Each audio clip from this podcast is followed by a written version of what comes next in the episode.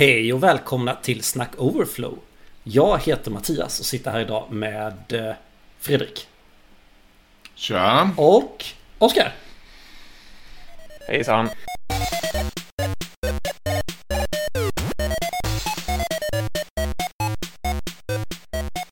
Vi har upptäckt att alla vi tre älskar att skriva CSS. men vi vill göra det på helt olika sätt. Och inte för att spoila, men det är bara jag som skriver CSS.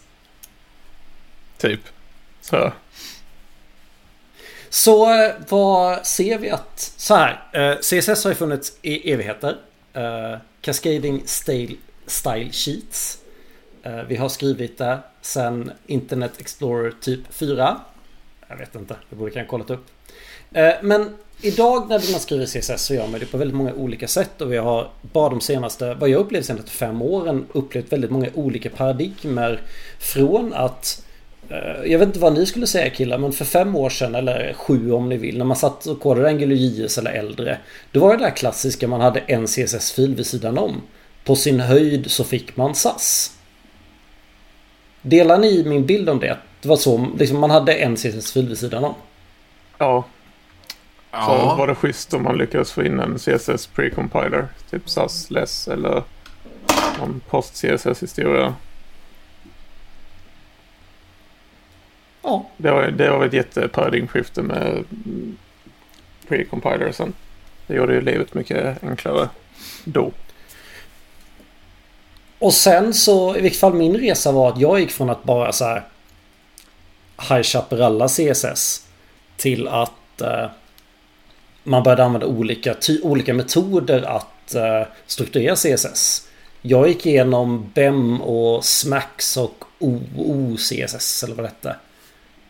Det menar mycket att hur man eh, döper, alltså hur, Ja, det var vilken nomenklatur man fil. har på CSS-klasserna också menar du då? Ja men precis. Dubbla precis. bindestreck och vad gör den Mm. och att man ska följa massa olika regler för man deklarerar klasser och i den. Ja. det var ju... När Vue kom var ju, tyckte jag det var mindblowing att man kunde ha sin CSS som scopad automatiskt. Mm. Så att det var helt okej att kalla den för root och container och link eller någonting, sina klasser. Och så kalla det för i alla liksom. Mm. Men att de var helt olika från varandra. Det var väldigt skönt. Mm. Och sen skulle jag säga, så här, om vi ska beskriva lite generationer då. Beskriva första och andra. eh, och jag skulle säga att de här BEM och de kommer ju... Så här, jag, jag började med BEM och SAS samtidigt. Det kanske var en slump. Men det behövdes ju nästan eftersom man hade... Och vad heter det? Att man nästlar sin CSS. Men sen så kom ju ramverken. Sen kom React och började vara lite opinionated. Eller i vilket fall ekosystemet runt React. Vi började få nya ramverk. Eh, och sen började man skriva CSS. Och nu upplever jag att vi har kommit, liksom att vi har divergerat väldigt länge. Och idag skriver vi CSS på helt olika sätt. Så jag tänker att vi drar igenom våra tre alternativ på hur vi faktiskt skriver CSS i våra uppdrag idag. Eller jag tänker inte beskriva det på mitt uppdrag, men hur jag vill göra det. Så jag tänkte lite, Ja, men samma här. jag tänkte lite att eh, Oskar kunde få börja. Hur skriver du CSS idag? Eh, inget proffs på tillvägagångssättet men eh, nu nu de sista veckorna så har jag suttit med Tailwind. Och först så var jag en stor motståndare av Tailwind bara att kolla på hur man använde det. För jag tyckte hur Mm. man skrev klasserna påminde så sjukt mycket om Bootstrap. Och det får jag en väldigt besk smak i munnen. Det blev, det blev, det blev mycket långa, eller kan bli mycket långa strängar i eh, elementen när man skriver dem. Men sen så... Ska du inte säga fel typ av gåshud? Har fel typ av gåshud. ja, det känns som jag har etsat fast den. Jag är nöjd med det. Jag har till och med fått andra människor till att använda det. Jag tror det är den tredje personen denna veckan som säger fel typ av gåshud till mig. en, av de Ja, största, det kan jag leva med. en av de största professionella milstolparna i mitt liv. Eh, Ja. och vad var det? Eh, Tailwind och Bootstrap. Eh, gåshud. svårt att hämta sig efter den, den eh, vinsten. Eh, men jag, och så blev jag övertalad att jag skulle använda det. Eh, och så provade jag det. Och när man väl, det är en liten, liten, liten tröskel att lära sig ja, nomenklaturen kring Tailwind skulle jag säga. Men så på, det är ganska logisk namngivning. Eh, Och, och för någon som inte har använt det och kanske knappt ens har läst på det. Vad är din liksom 30 sekunders beskrivning? Det är, ska man kalla den, det är också ett steg, en pre-compiler. Där du bara får ut den CSS som du använder i slutändan. Så den går igenom dina dokument. Ni får rätta mig om jag har fel här, för jag är ingen Tailwind-expert. Ja, men då vill jag rätta lite då. Ja. För, för grejen med Tailwind är ju att det är tusen miljoner utility-klasser. Så du skriver inte CSS själv. Utan du skriver, använder, kombinera många utility-klasser. Så på en div kan du ha åtta olika utility-klasser på. Oftast två. Ja. Stor Fyra. font, liten font. Du ska ha den här typen av flex. Men det mynnar ju ut i att du aldrig behöver skriva faktiskt CSS om du inte väljer att göra det för att göra custom-grejer. Du, sätter bara, Mm. du skriver bara klasser. Man, det, och det går väldigt snabbt. Det är genomtänkt eh, med relativitet med mått och sånt här om man använder om du sätter upp basic navigering med, och för alla skärmstorlekar och sånt. Man behöver aldrig bry sig om hur marginaler ska fungera. Allting är så fruktansvärt genomtänkt. Så jag använder, har använt basic setup. Man kan ju köpa teman och göra egna teman om man vill ha lite custom styling. Men det gjorde att jag rörde mig framåt väldigt snabbt. Jag skulle sätta upp en ny dokumentationssida. Jag snodde bara CSS-klasserna från eh, Tailwinds hemsida och fick eh, någonting som funkade i alla upplösningar automatiskt. Som jag, inte- alltså jag la kanske en kvart på att sätta upp sidan och sen jag behövde inte bry mig om ett mått. Allting var relativt och fungerade med varandra. Och sen så blir ju Mm, ja, out, men jag outputen av Tailwind väldigt liten också. Så man får bara ut det som används. Du upplever att du blir väldigt produktiv. Ja, väldigt snabbt. Eh, Mm. Och tröskeln var också typ bara en kvart. Jag fick kolla i dokumentationen de första gångerna eh, efter vissa specifika grejer och sen så installerade jag Tailwind eh, extensionet i VS Code som är ja, bland de bättre fungerande extensions jag använt på riktigt länge. Eh, Så man får ju autocompletion och riktigt bra intelligence inne i VS Code också. Eh, Och det tyckte jag var ett mysigt sätt också för jag använde det till webbkomponenter för outputen blir väldigt liten. Ja, för sen är det sen, det finns 7 miljoner utility-klasser. Men byggsteget analyserar din HTML, vilka av dem du använder och bundlar bara med dem. Har jag förstått det rätt då? Ja, så i detta fallet så sa jag bara kolla i de här svältfilerna, kolla i CSS-filerna som jag har också. Eh, Där jag sätter upp vissa temaspecifika grejer, skrota resten Ja. som ni inte behöver. Eh, voilà, liten output. Eh, Så det funkar jättebra för mig. Jag förstår. Vill vi dra för och nackdelar redan nu eller vill vi hoppa vidare till de andra alternativen? Nej, vi kan fortsätta på era alternativ så kan vi se hur de står mot varandra. Jag, jag utgår från ett helt annat typ av problem. Jag har jobbat med mikrofrontends ganska länge och, och bankat mitt huvud mot liksom det, det konceptet av att ha delade komponentbibliotek, eller åtminstone delad styling. Mm. Så, så det är därifrån jag har utgått. Och sen snubblade jag över ett ramverk som heter Pico CSS, som går ut på att styla original HTML-elementen.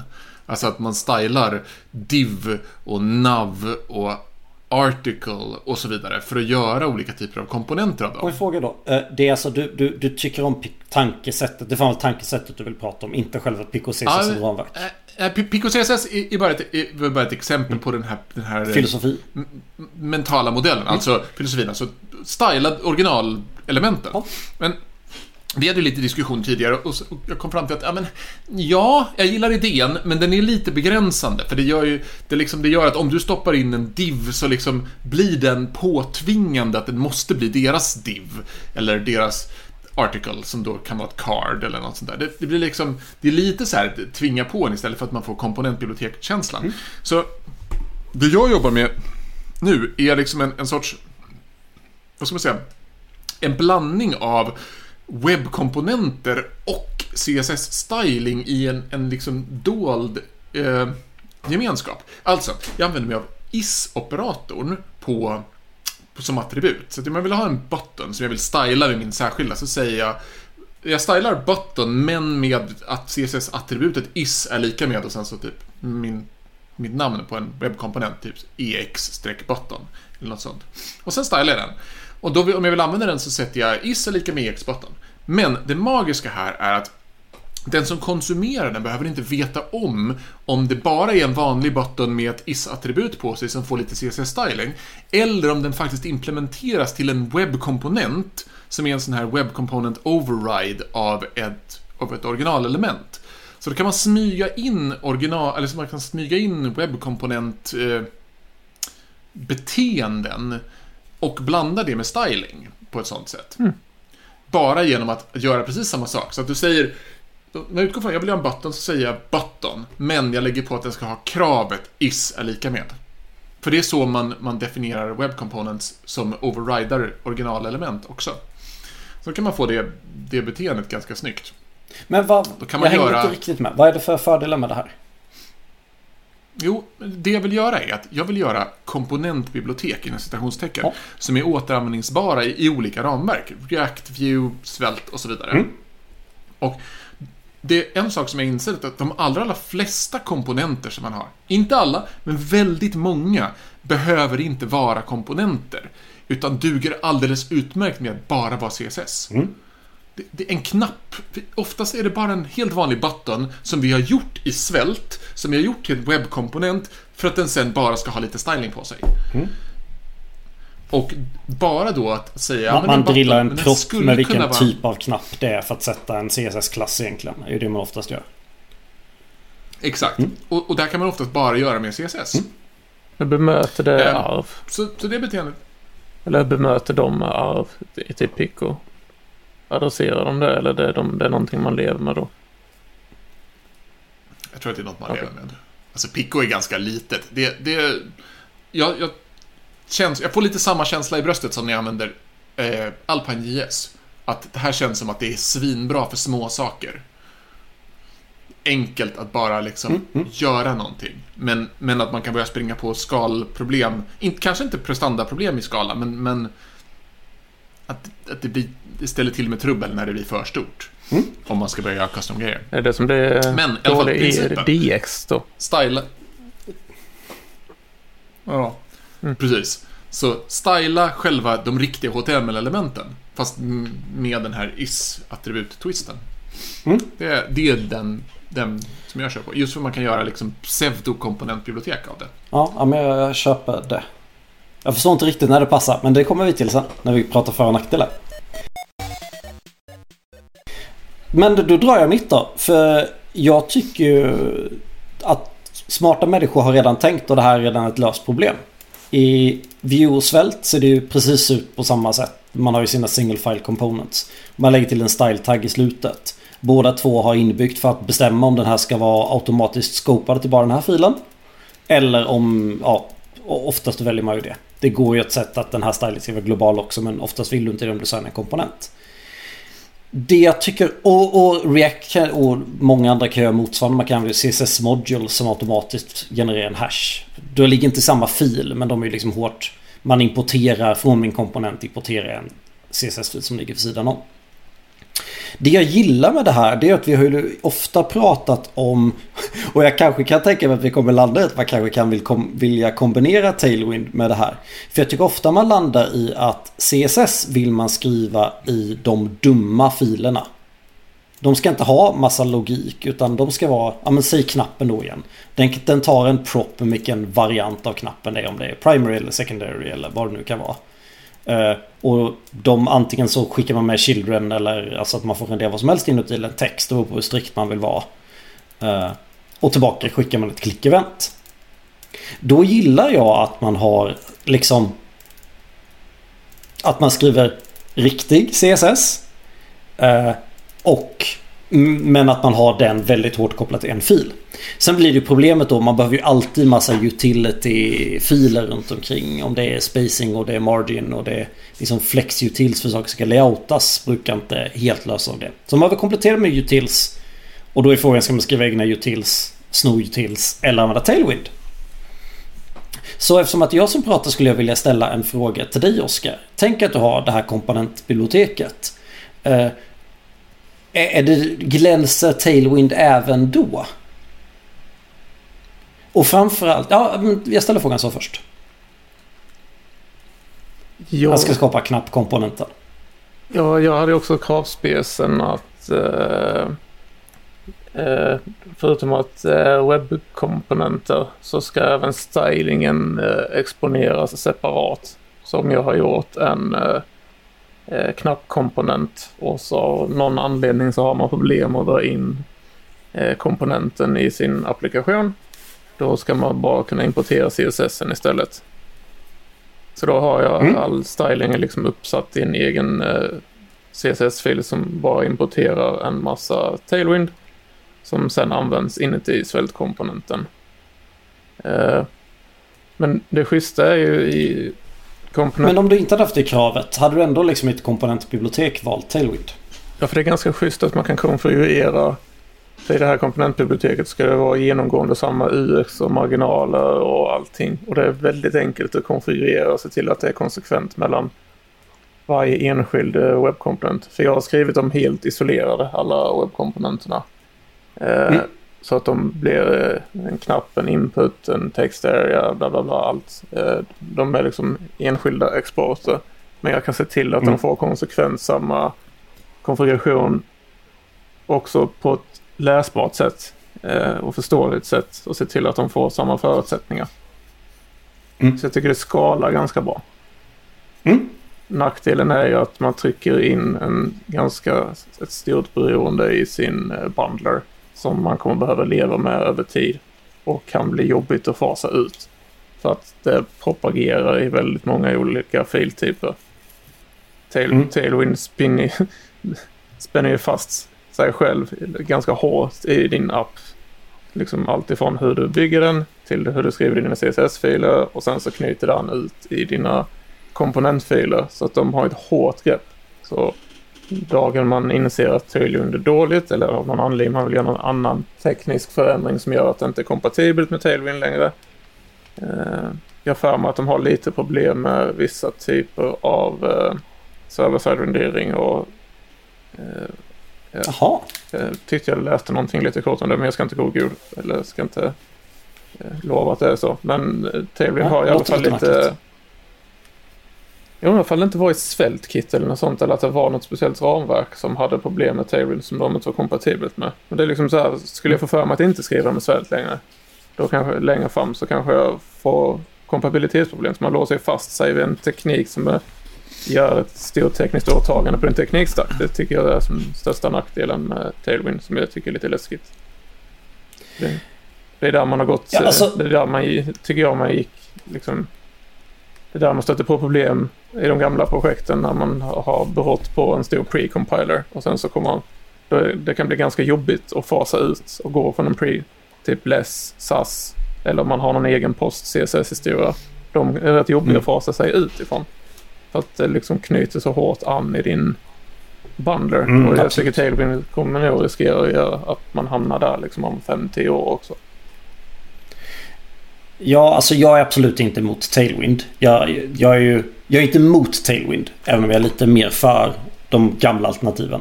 Och jag, jag ser ju liksom just att man kan egentligen... Ja men så här, ett typexempel. Eh, vi skrev ett komponentbibliotek i Vue, det har vi pratat om tidigare. Och så skulle ett annat team som skrev i React, skulle, de skulle skapa ett eget komponent, samma komponent som vi hade fast de skulle skriva dem i React för att de trodde det skulle vara enklare.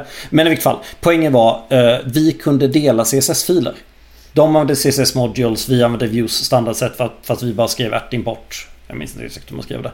Så vi, vi kunde ganska lätt dela CSS-fil eftersom att det var ren CSS. Så hade vi kunnat dela Tailwind-klasser också. Så det hade inte varit en jättelåsning. Men det är ju en liten inlåsning i Tailwind. Men, men tillbaka till frågan då. Alltså om du inte hade haft kravet på att eh, det skulle gå att exportera liksom, ja men det här att man inte kan behöva köra komponenterna. Skulle du ändå välja Tailwind? För att skriva ett komponentbibliotek? Just för Svält har, och det här kan du fylla, in, fylla i lite Fredrik, för det är du som har hjälpt mig att lösa det. Men Svält, jag valde Svält för att det är bra att skriva webbkomponenter med. Men om du, Mm. du kan ju säga till Svält att bli en webbkomponent. Men Mm. om du använder subkomponenter i din Svält-komponent som du, och så skriver du i varje subkomponent så har du också style-taggar. Svält klarar inte av att få med dem, den stylingen på subkomponenterna.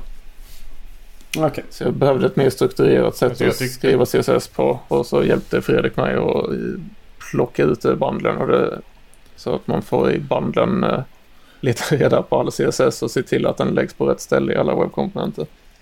Eh, Mm. Alltså, jag uppfattar det lite som att det, det, är många, det är flera av de här stora ramverken som har system för att göra, göra egna custom elements. Men jag upplever att de flesta av de här är, är lite som andra klassens medborgare. Att det är, det, är liksom, det är gjort för svält och svältkit men att webbkomponentdelen alltid har lite konstiga buggar som, som, ligger, som tar lång tid att lösas. Ja, det är lite eh, styvmoderligt behandlat fortfarande tyvärr. Och, och stylingen i, i alla de här, stylingen, så fort du håller på med webbkomponenter så är stylingen och alltid ett, ett sorgebarn. Det är alltid ett problem att få in stylingen och bli bra. Så jag hade nog använt svält, eller vad säger jag, Tailwind oavsett. För jag tycker det... Mm, mm. Jag hade problem att komma ihåg namnet Tailwind för jag blandade ihop det med uh, Razers, alla olika musar. Sidewinder och... Så det, det är så jag kommer ihåg att det heter Tailwind. För jag tänker, just det, det, det, det, låter som en Razermus. Men i normal, alltså om, om du skulle skriva både komponentbiblioteket och appen eller så här, det kanske bara en common folder om det inte projektet är så stort. Eh, kommer det mesta Tailwinden fortfarande ligga i komponentmappen då? Alltså på samma sätt så, jag, tänker om jag hade skrivit ett i en app så är det mesta av min CSS i någon typ av common mapp. Och sen så är det bara lite layouting i alla andra filer på sin höjd. Mm. Blir det samma sak i Tailwind? Eller ändras sitt beteende då? Är man mindre frekvent att skapa hjälpkomponenter? För det är så lätt att bara skriva lite Tailwind. Man kan ju, så har jag gjort, jag importerar en CSS-fil in i mina komponenter. Där jag säger, och så deklarerar jag en klass utanför som till exempel kanske bara heter button. Och då blir det en unik button-klass för mm, som jag kan använda när jag importerar den. Och sen så i CSS-filen så drar jag bara in Tailwinds olika klasser genom att skriva typ at apply font size 2. Jaha, Så man kan- så man det kan få- skrivs fortfarande... Ja, men man kan göra så. Och Jag gjorde så för att jag vill Ja. ha det som en separat CSS-fil. Så vill man ha uppdelningen och Ja, kanske precis. slippa att det är... Man ska, man ska ju helst inte hamna där, men om du liksom, ja, nu har jag 200 tecken lång sträng med Tailwind-klasser, då kanske det är enklare att separera det, ha den CSS-fil vid sidan om för läsbar, läsbarhetens skull. Men det blir fortfarande samma output. Så, så om du har, om du har 20, 20 ord efter varandra Ja. i klass, liksom i klass Ja. på diven. Så kanske Då kan kan du lägga det de med. 20 på rad i en, i en gemensam klass istället. Ja, då blir det gener- Och importera den med CSS modules då eller? Typ. Eh, Så det funkar bra. Eh, Så jag, ja, jag gjorde så. Och jag det, eh, hämnar inte läsbarheten. Tycker jag inte. Nej, för det som gör mig skeptisk Det är ju att CSS för mig Alltså produktivitet och CSS är ju alltid skitdåligt För det är alltid jobbigt att skriva CSS Mm. Och därför vill man ju se till att det liksom skrivs en gång och sen används det överallt lite så Eh, Exakt. Det är därför jag inte varit lika mycket på Tailwind. För mig är det liksom... För mig, jag känner mig inte mer produktiv. Snarare att, att tvinga skriva lite CSS. Kanske gör mig att jag tänker efter en gång extra. Vad det är återanvändbart och inte. Istället för att bara slänga på en, en till liksom DisplayFlex-klass. Så kanske jag skapar eller har ett bibliotek som har någon flex-wrapper av något slag. Fördelen är ju om man är många att man skriver konsekvent och att det i regelverket är genomtänkt på att vara kompatibelt med varandra och mått och sånt. För jag tycker oftast det är problemen när man sitter i någon applikation där man har väldigt specifik design och så har man mer eller mindre byggt sitt eget ULIB liksom för marginaler och Mm. variabler och sånt här. Mm. Eh, Mm. Tailwind, Nej, men jag Tailwind har- tar ju ansvar för det ägandeskapet och ser till att det funkar om du inte väljer att konfigurera sönder det själv. Eh, Mm. så, så, så det skalar ju väldigt fint. Men, men det, det, Jag vet inte om det var svar på din motfråga, men eh, Ja, för jag, jag visste inte bara vilken det var vilken av alternativen du beskrev.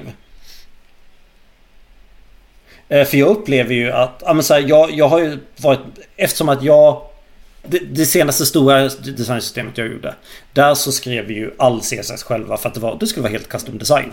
Eh, Och då valde vi att inte ha något ramverk och därför behövde vi skapa lite utility-klasser. Eh, Men det här med att alla, det du sa att alla teammedlemmar skriver på samma sätt Där förstod inte jag vilket var, det var du beskrev.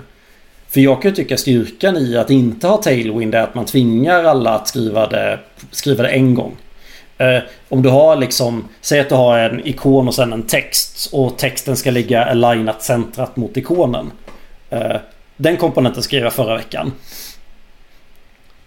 Alltså det är en ikon som är ganska mm. stor och sen är det en text som ligger till höger om. Eh, med Tailwind hade man kanske inte skapat den komponenten.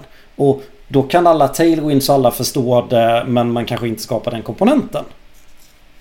Mm. Eller är jag... Hittar det är väl ingenting som hindrar dig från att skapa komponenten och använda Tailwind-klasser. Nej. Uh. Mm.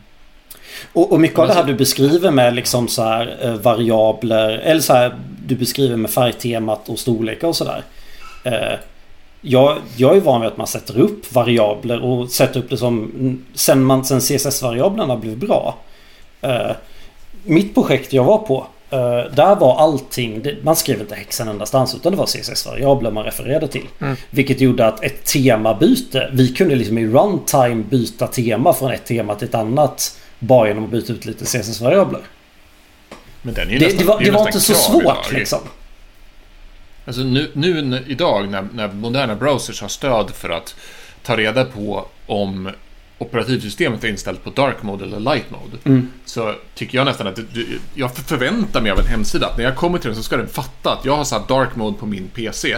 Eh, då vill jag att, att, även att sidan ska vara i dark mode mm. automatiskt. Mm. Så, och, och, då krävs ju att, att temaswitchningen är sömlös. Och precis som att jag säger med CSS-variabler så är det trivialt. Det kan man ja, göra med Tailwind också. Säga till mm. den att göra switchen automatiskt. Ja, eh, och sen kan Nej, men jag tror att det här är lättare med Tailwind. Jag menar bara att det inte är omöjligt. Nej, absolut inte. Eh. Och, och, inte ens svårt skulle jag säga om man, om man vet vad man håller på med. Men man måste veta lite mer vad man håller på med. Mm. Jag, jag, var så himla ointresserad av att sätta upp mina egna... Alltså sätta upp alla CSS-regler och dimensioner och sånt. Eh, jag har UX-människor som eh, designar komponenterna bestämmer marginaler. Så när de väl har rätt ut, ja riktigt de redan har gjort i en stor utsträckning, men vill de ändra på basvariablerna så går jag bara in i konfigurationen och ändrar dem på ett ställe någonstans istället för att behöva sätta upp mitt eget. Så där jag behöver mm. ändra så ändrar jag och sen så, så kör jag på standard Tailwind. Just för att det, jag gillar hur genomtänkt det var. Alltså jag fick, eh, blev lite mindblown när jag bara satte upp en, liksom en meny och att, eh, hur den, när, vad som hände när jag dragspelade med webbläsaren i olika storlekar. Det, det bara funkade. En kvarts arbete, det bara funkade. Vi kan börja så här. Jag tycker Tailwind ser asbra ut och det, det verkar nice. Men alltså, det är lite av det som är som jag har stört mig på och rört mig ifrån är att speciellt Tailwind, men i princip de flesta andra ställen, de, de knyter jag ska säga, appliceringen av din valda styling väldigt hårt till dina komponenter. Alltså för att du ska kunna tala om att en knapp ska se ut på ett visst sätt så måste du stoppa in alla dina Tailwind-klasser i din svältkomponent som du kallar för en button och så vidare. Ja, och det är därför jag tycker att liksom, stylingen av originalkomponenterna i i eh, HTML är en, känns som en, en renare väg att gå. Speciellt om man då ska jobba med, som Mattias hade, både typ Vue och Svelte i samma, eller Vue och React i samma app. Eller man delar, ska dela styling. För att egentligen så är vi ett case av att om du ska stoppa in en button i din app. Så om du då för att kunna styla den ska behöva göra skapa en separat svältbutton och sen stoppa in stylingen med dina Tailwind Eh, klasser på den. Så blir det liksom att då ska du bygga den komponenten bara för att du ska applicera styling. När du egentligen skulle kunna stoppa in en helt vanlig HTML-button som blir stylad. Du kan göra med det genom att ha en gemensam, du har bara en, du skulle kunna i princip ha en klass som heter typ MyButton som du applicerar. Men att du jobbade mer av ett komponentbibliotek ja, Som Bootstrap har BTM liksom. Ja, precis. Och att du då du bygger dem då. Så det här är mitt komponentbibliotek. Det finns en button, det finns en input och det finns en mm. date picker eller vad det nu är. Och, eh, och man har dem liksom... Eh, det jag inte riktigt gillar bara. med det bara, det är att man oftast vill... Och det, det beror ju på vilket team man är, hur många man är, liksom hur många team det är. Eh, men jag mm. gillar tanken med att komponenten och CSS hänger hårt ihop. Det är ju att jag vill inte lägga den mentala lasten på konsumenten av komponenten. Att förstå vilka klasser den ska lägga på. Utan jag vill ju ha definierat vilka props den ska ha. Och beroende på hur väldefinierat det är, då kan ju propsen, ibland kan ju propsen vara liksom det här är en primary eller secondary knapp. Men om man till och med kan gå steget vidare att man, att man inte säger att det här är en primary knapp. Utan beskriver vilken, var, vad den ska användas till. Är det här en köpknapp? Är det en buy button man skickar in? Varianten är inte primary utan varianten är buy button. Då mm. upplever jag att man tar bort, med den här typen av komponenter tar man bort väldigt mycket kognitiv last från de som ska använda det. Det ja, finns på... Jo, jag håller nog fortfarande med dig. Jag har en gammal kollega som jobbar på ett uh, väldigt uh, stort bolag där de är... De har valt att... För, ja, systemet de sitter i har några år på nacken. Men de har valt att inte skriva sina komponenter som webbkomponenter utan det är liksom som en statisk HTML. Så ska du ha en knapp så finns det en knapp som du importerar som HTML-element. Och mm. så eh, bygger det på att du drar in CSS-filer för att se till att den knappen eh, stylas korrekt. Hur importerar de HTML? Det kommer jag faktiskt inte ihåg men det är någon, någon på något sätt så distribuerar de statisk HTML som de sen renderar. Jag kommer faktiskt inte ihåg historien bakom det. Men, äh, men de... för, för min följdfråga är om man populerade med props liksom. Ja, nej, det, det, men, det, men det, som är intressant är att det blir liksom statisk HTML och så förutsätter den statiska HTML att du drar in rätt CSS-filer. Men sen så är de 20-30 mm. team och, och, och, så bidrar man till både de här CSS och den här statiska HTML över tid. Och de har dagligen, förstår jag på den här personen, problem med att folk importerar CSSen i fel följd. Så de har kanske någonstans mellan 10 och 40 CSS-filer för att de är väldigt separat skrivna för att man ska bara dra in det man behöver. Men varje gång man ska smälla upp någonting nytt eller sätta upp någon ny del i applikationen eller en ny feature eller någonting så måste någonstans måste någon importera de här CSS-filerna igen. I, I teorin så är det ganska bra liksom för att det ligger inuti. Det är någonstans allting är cashat så det är liksom bara första gången man laddar det och man laddar vad det är man behöver. Eh, men de har hela tiden problem med och det, det, är inte så att det blir små, små saker utan det är att saker blir, alltså att det blir någon textfärg eller någon fontstorlek fel.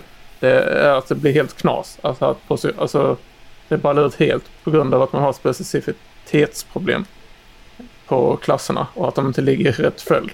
Och de har något så här ramverk som de följer för hur klasserna ska vara namngivna och sånt men det omsätter så mycket tid ja. varje dag i de här 20 till 30 timmen eller vad de är och reda ut och bråka med CSS för att de har gått på en sån puritan approach som inte går, alltså det, jag, det, det kanske inte riktigt beskriver exakt så som du beskrev det Fredrik, men de jobbar ju på ett liknande sätt. Och det, då blir CSS en sån här börda istället för att vara ett verktyg.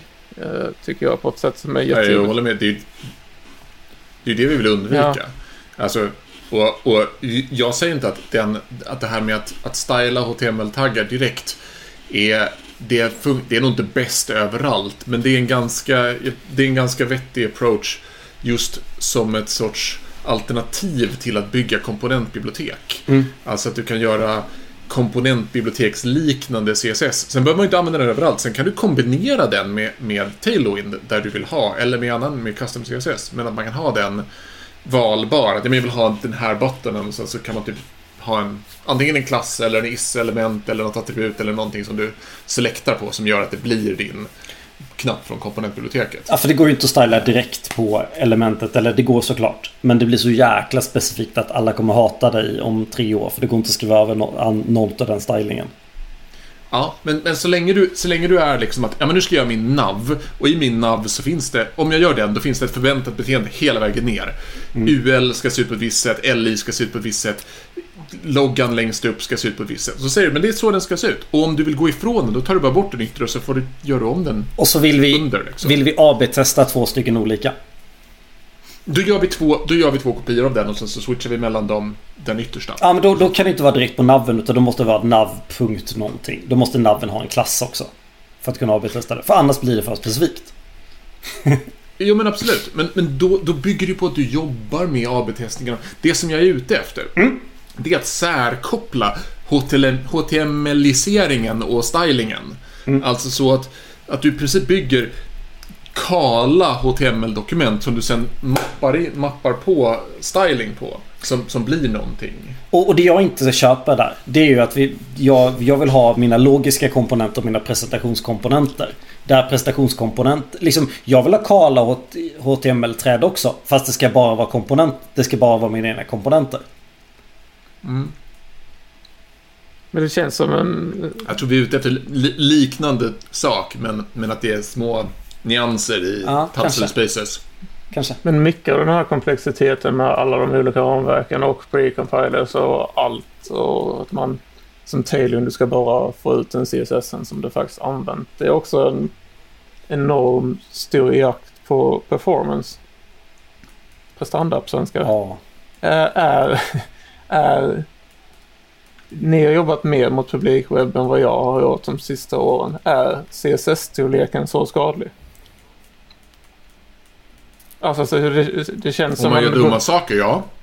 Nej, men jag tänker bara själva alltså- storleken på CSSen. Alltså, minifierar du och CSSen så... Alltså, hur många kilobyte? Men då tänker jag... Nu tänker jag sticka ut hakan. Det är när du har problem att du har en stor bundle size. Det är aldrig för att du har tryckt för många tecken på ditt tangentbord. Exakt. Nej, det, är det, men alltså, det känns som man gått eh, hela server-side-generering och static site generation och allt det här i någon form av jakt på prestanda. Och det, CSS är ofta ganska synonymt på de lösningarna och blir centralt för hur du löser din CSS. Eh, är, Mm. är Men ofta, CSS det det kommer inte ofta från att man drar in ett bibliotek. Alltså, så här, man drar in ett komponentbibliotek eller man drar in någonting externt som man inte kan riktigt styra eller som man inte har gjort själv. Och sen så får man med tonvis med saker som man inte egentligen är intresserad av.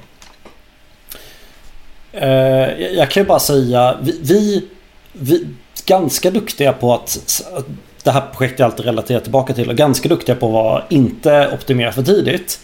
Eh, vi har ju skrivit komponentbibliotek med typ 50-60 komponenter och det var inklusive CSS för vi bundlade upp allt i en samma JavaScript-fil. Mm.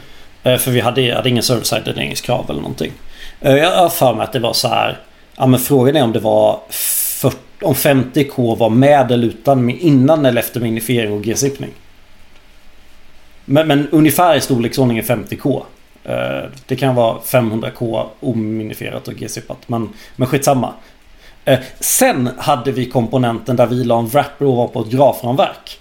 Och den var tio gånger så stor som alla våra andra komponenter tillsammans. Så den fick, den fick teamen liksom om du importerade komponentbiblioteket och fick du komponentbiblioteket var du tvungen att göra en specialimport. Och det, där tree-checkade vi inte eller någonting för att alla microfrontet skulle kunna delas. Att man inte lade hem sin variant av komponentbiblioteket utan alla använde samma komponentbibliotek. Istället för att några skulle ladda hem 10 där och 10 där och 10 där. Så laddade alla hem fem, samma 50. Förutom graframverket vi la vid sidan om. Så jag tror inte att den koden du själv knackar kommer vara problemet. Ja, Då är, ni mång- då är ni många tusen utvecklare när det börjar bli ett problem. ja, Eller i vilket fall över hundra. För e- egentligen ett annat spår men än- ändå inte lite på det här. För jag blir så sjukt skeptisk mot det här, den här illvilliga jakten på eh, prestanda i din webbläsare som folk följer nitiskt liksom när man ska allt från server-side till static site generation och allt. Jag kollade på den här React-dokumentären som Honeypot, är det de som har släppt den på YouTube. Eh, det var en timme lång eh, dokumentär om React och då var det stora problemet 2012 när React skapades att ja, det, det är så dålig performance i webbläsaren och sen men då fungerade ändå React mycket bättre än sina, eller bättre än sina konkurrenter 2012. Eh, Med datorer för 11 år sedan, med internet för 11 år sedan och med webbläsare för 11 år sedan. Trots att React var en svinstor dependency med det. Jag kommer inte ihåg hur mycket React tog då. Men det var en jättestor klump ju. Och nu eh, presterar React eh, typ sämst i, i den här, jämfört med de andra i alla sådana här olika benchmarks som man ska göra. Men det är jättemånga som använder den då och jag tycker de flesta alltså, applikationer funkar ganska bra. Så det känns, för mig känns det mer som en smaksak. Av alla projekt jag varit på så är det nästan alltid så att det är backenden som är den stora flaskhalsen för, för eh, alltså att det går långsamt. Ja, du menar Du har en API? frontend som bara pang och sen så står det och tuggar därför att någonstans finns det en dåligt optimerad databas där man inte skriver, ställer en fråga utan man ställer samma fråga hundra gånger med en parameterändring. Mm. Eller något liknande. Liksom. Det, är så här, det är något legacy någonstans, det tar, tar tid. Ja. Och så sitter vi och ska trimma, ah men vi vill ha ner från 50 kilobyte till 38 kilobyte G-zippat. Det är liksom inte där. Det... Det beror på vad du gör, men, men oftast är det ju så. Slutklämmen jag var ute efter där innan jag vände blad på min... Eller slutklämmen på min rant var eh, hur man skriver CSS, alltså med allt det här med prestandan. Och CSS är en sån liten del. Så jag tycker man ska skriva CSS som skalar bäst. Skriv CSS, CSS på sättet som skalar bäst för lösningen ni försöker eh, problemet ni försöker lösa baserat på storleken av era team. Team, team eller team.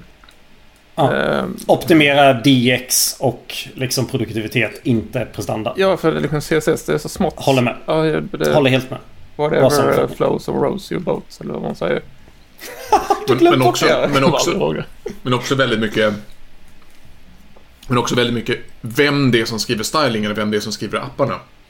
Du kan ju mycket väl sitta i team där stylingen skrivs av ett, ett team som jobbar till exempel med komponentbiblioteket och själva apparna skrivs av ett annat team. Då har du lite olika approacher. Mm. Beroende på hur man är uppdelad i organisationen. Men hur skulle du vilja göra under i det scenariot Fredrik? Är du, när du, om du sitter och gör komponenterna, gör du dem i Tailwind eller gör du dem i det ramverk rekommenderade höll jag på att säga. Men Jag hade nog gjort det i det ramverksrekommenderade. om du hade varit en av liksom slutkundnytta-teamen. Skulle du använt, om du hade behövt göra någonting. Skulle du Tailwind eller på samma sätt? Jag är inte tillräckligt van med Tailwind, men jag utgår från vad Oskar säger. Jag hade säkert också lätt kunnat konvertera över till Tailwind om det... Mm. Ja. Sen, sen beror det här väldigt mycket på hur mycket det kolliderar med andra tekniska lösningar. Många av de här sakerna, speciellt Tailwind, fungerar väldigt bra om du om du kan gå den, den, liksom, den vanliga vägen för att sätta upp en app. Ja, vi bygger den med vit, vi bygger den med Webpack, vi bygger någonting Såklart. enligt någon vanlig template. Men ska man börja konstiga saker som har speciallösningar med specialbyggen. Du kanske inte alls har HTML-filer som du kan generera. De kanske kommer i runtime någon annanstans ifrån. Eller kanske pratas mellan olika servrar med något meddelandesystem som streamas in och sen så blir liksom all styling skitjobbig. Så det blir ju förstås så att man får anpassa sig till, till Problemet. Ja, det, hur, hur lätt det är att faktiskt göra det här, den här runtime-analysen. det ska ju tilläggas i min eh, så här, för, nu, nyvunna fäbless för Tailwind att jag har fått sätta upp det i utopiska förhållanden. I ett nytt projekt, liksom jag har inte behövt retrofitta in det med någonting. Alltså allting liksom bara varit... Ja, eh, det har funkat skitbra. Men hade jag tagit ett eh, fem år gammalt legacy-projekt och försökt få det att funka med någon superkomplex eh, webpack-konfiguration så kanske jag inte hade suttit här och varit lika glad. Eh, Nej. Så det är också en aspekt. Men... Jag, jag kan säga en, en sista slutkläm också. Jag tycker att det är värt att tänka att man kan alltid ha fel. Och att det är värt att välja en lösning som är lätt att skrota och ersätta med någon annan senare. Jag vill ändå öppna lådan. Uh, nu har vi valt egentligen mest prata om två alternativ och det tredje alternativet finns där bakom dörren. Och det är ju de här färdiga komponentbiblioteken som också beter sig lite på olika sätt. Ibland är det färdiga komponenter och ibland är det utility-klasser även där. Liksom Bootstrap är ju utility-klasser mer. Ja, de kanske ingen använder Bootstrap längre. Jag tänker väl främst på saker som Material Design-ramverk. Vad, vad, är, vad är er tagning 2023? Att jag tycker inte om materialize tillämpningar på olika... Men är det för att du tycker inte de... Är det, är det paradigmen eller är det deras implementation av paradigmen du inte tycker om? Det är nog deras implementation av paradigmen. I teorin så är det ganska smidigt om man kan bara utgå från någonting färdigt. Och spara ganska Ja. mycket tid och slippa att sitta och försöka lösa, ha hundra stycken utvecklare som är semi-intresserade av CSS och försöka lösa flexbox-problem. Men, men och där tänker jag att det är inte... Jag tänker att de problemen som materialramverk löser åt mig. De är oftast så lätta att det är, tar längre tid för oss oavsett erfarenhetsnivå att lära sig eh, hur mm, MUI gör till exempel. Än att bara göra komponenten själv efter det sättet vi behöver det. Och även om UXarna lovar dyrt och heligt att ah, men vi kan designa så det passar bra med MUI. Har man designers kommer de aldrig göra det. Och då, att, då blir det jobbigare att modda en MUI-komponent än att bara skriva en egen komponent. Det problemet har jag i något av projekten jag sysslar med hos min nuvarande uppdragsgivare. Att någon utvecklare för en herrans massa tid sedan valde att trycka in MUI för, som material mm. då för att man skulle mm. kunna skriva features snabbt. Mm. Men sen så vill eh, alla andra UX-designers inte... De, de liksom går emot varandra hela tiden. Så då blir att man får göra fula konfigurationer av Material hela tiden som är hopplöst att leva med. Den, den, eh, Men alltså det där funkar ju bara MUI och alla de här funkar bara om det är designern som har sagt vi ska köra material design. Ja. Och, jag, och, vi ska följa den. Ja. Och, och, det, är det, det är så det är. Jag kommer bygga allting enligt de guidelinesen. Ja. Och sen slutar den UXan och den andra UXan kommer inte säga det. mm. Mm. Ja, men då, då är det trubbel. Alltså, jag tycker ja. det är samma sak som gamla så här, polisens pustsystem. Ja, vi köper in ett standardsystem och sen moddar vi det. Ja, nej, det blir aldrig bra. Ever. 600 miljoner kronor ner i, i eh, liksom, toaletten. Jag tycker Material UI som liksom design, liksom designprinciperna de har och hur det ser ut. Alltså hur många procent av jordens befolkning är det som sitter med Android? Alltså hade man bara följt det till 100 procent. Ja, men då alla känner ju igen sig i det UIT och vet vad de olika alltså, entiteterna som finns i det UIT. Vad en knapp ser ut så här. Den ligger där så vet jag att den gör det här. Alltså det är sjukt vedertaget sätt. Det känns som att man får så mycket sanningar gratis genom att bara följa UI, Material UI rätt upp och ner om man typ gör en intern business eller sånt. Så du längtar tillbaka till MUI? Nej, verkligen inte. för det slutar, jag får ju aldrig använda det enligt standardimplementationen utan man ska alltid konfigurera Nej. allting. Och då ja. Eh, de, eh, som i React och alla deras hooks när man ska applicera styling. För er som har använt det, jag vet du, du har gjort det Mattias, det är inte det är inte läsbart och det är inte kul att leva med. Det är stelt fult. Jag tänker så här, efter att ha hört dig prata nu den här timman, snart timman. Eh, jag har ju fortfarande inte testat Tailwind mer än en fem minuters pock. Så jag kan egentligen inte uttala mig jättemycket. Men jag, min, min, magkänsla efter det vi säger är att det skulle passa jättebra om man är ett ganska litet och tight team. Man har kanske inte liksom så här, man skapar inte så mycket återanvändbara komponenter. Det finns kanske inte någon UX som kan vara med och definiera vad som är återanvändbara komponenter. Utan varje gång någon skissar någonting finskiss eller fulskiss eller något nytt. Då passar, tror jag, Tailwind, liksom kortsiktig produktivitet är väldigt bra. Ni har fortfarande inte övertygat mig att ett om man är en grupp på 10-15 frontendare och eh, en till fyra UXare och det är hyfsat, liksom, vi försöker använda samma komponenter överallt. Eh, utan att vi, vi har liksom, liksom 95% av vår styling ligger i komponentmappen. Där våra atomer och molekyler ligger.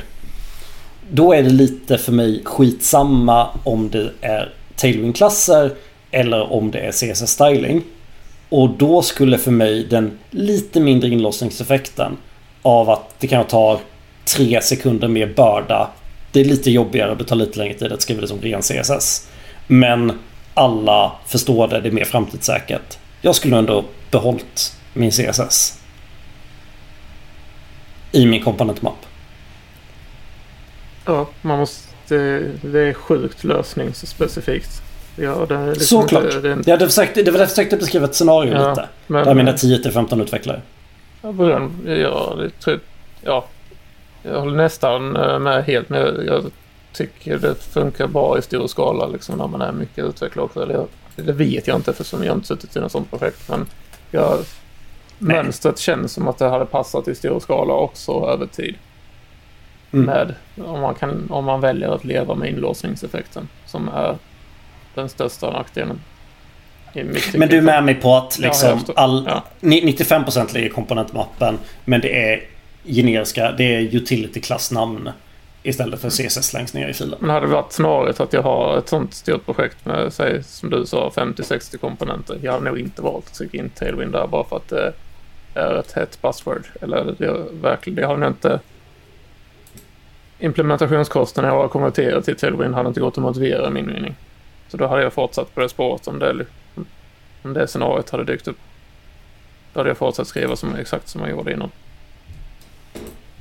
Det som att, ja men alltså det känns som att de flesta av de här lösningarna blir ju först relevanta när man blir tillräckligt många. Man kan ju, man kommer, man kan ju i princip skriva ganska slarvig CSS direkt i sina view eller svältkomponenter ganska länge innan det börjar bli ett problem. Det ska ju bli, det ska bli ett antal utvecklare innan det, innan det börjar bli jobbigt. Nej men så här. Om man inte har den här komponentmappen. Utan man skriver all, liksom på något sätt skriver liksom stylingen där den behövs. För varje Ja. page vi skapar. Oavsett om det är multipage eller single page. Så har vi där har vi stylingen. Då skulle jag nästan säga att Tailwind är bättre. När man fortfarande är i den fasen. Det är när man börjar strukturera upp det som jag inte ser samma vinst längre. Mm. Men jag kanske har gjort en felanalys. Men det är så jag tänker. Då kan vi det här. Vad, vad säger ni? Har vi, har vi tips? Jag har ett tips. Jag kan börja. Ivrigt. Du kan börja. Jag har ett tips också. Hoa! Då har Fredrik cirka en och en halv minut på sig att komma på ett veckans tips. Tänk Fredrik, tänk. Eh, I en framtid nära oss så ska vi spela in ett avsnitt om eh, React. Så jag har gjort en massa React research eh, på sistone. Åh, då måste vi släppa det här före avsnittet. Måste jag komma ihåg det. Vi har sagt att vi inte ska göra så här. Kommer jag på nu. Försök undvika tidsbenämningar. Men så jag, React uppdaterade sin dokumentation och bland annat med massa andra saker för ett tag sedan. Och då valde de att inte predika för Create React App som de har hållit så kärt väldigt länge. Och för de som använder Create React App, eller de som inte har det framförallt, Eh. Grattis! Ja, ja men det var, det var ett beroende inkapslat med, och jag tror det var 30-40 beroende. Det- Om man valde ejecta ut den så var det liksom en package som på 40 beroende. Men den löste allting från bundling till din dev-server till hur, ja, hur React-appen ska sättas upp. Så man skrev bara, skrev, npm-skriptet var ju bara npm run create react script run och så satte den upp en väldigt Mhm. bra och så fick väldigt bra dev-server och du fick en fin React-app. Och sen är den lite jobbig att leva med tid att konfigurera och eh, jag har haft problem med den jättemånga gånger för att folk har valt att använda det. Men de har ju valt att Så vad, vad var ditt tips? Ja, de har ju valt att skrota det. Så i den nya dokumentationen så har de istället skapat, uh, gör de, predikar de för något nytt som heter Create Next React någonting. Create Next React App. Ja, det- det är någonting med Next i istället som beroendet heter. Och då är det liksom inget i, Då har de inget sånt React-paket som allting beror på. Utan de har bara satt upp ett helt nytt skal. Det är liksom bara ett skal med en fungerande dev-server som beror på Next istället. Så jag har provat att leka runt lite med det hur snabbt det var att komma igång och göra saker med det. Och det är sjukt mycket mindre beroenden. Eh, och funkade perfekt. Så jag tycker de har gjort, tagit ett steg i rätt riktning. I kombination med jag kollar på den här sidan som du har länkat med någon Fredrik som heter customelementseverywhere.com. Eh, de har, React har också släppt en experimental bild där de har 100% kompatibilitet enligt deras eh, tester med webbkomponenter. Så det känns som React eh, har gjort några saker rätt den sista månaderna.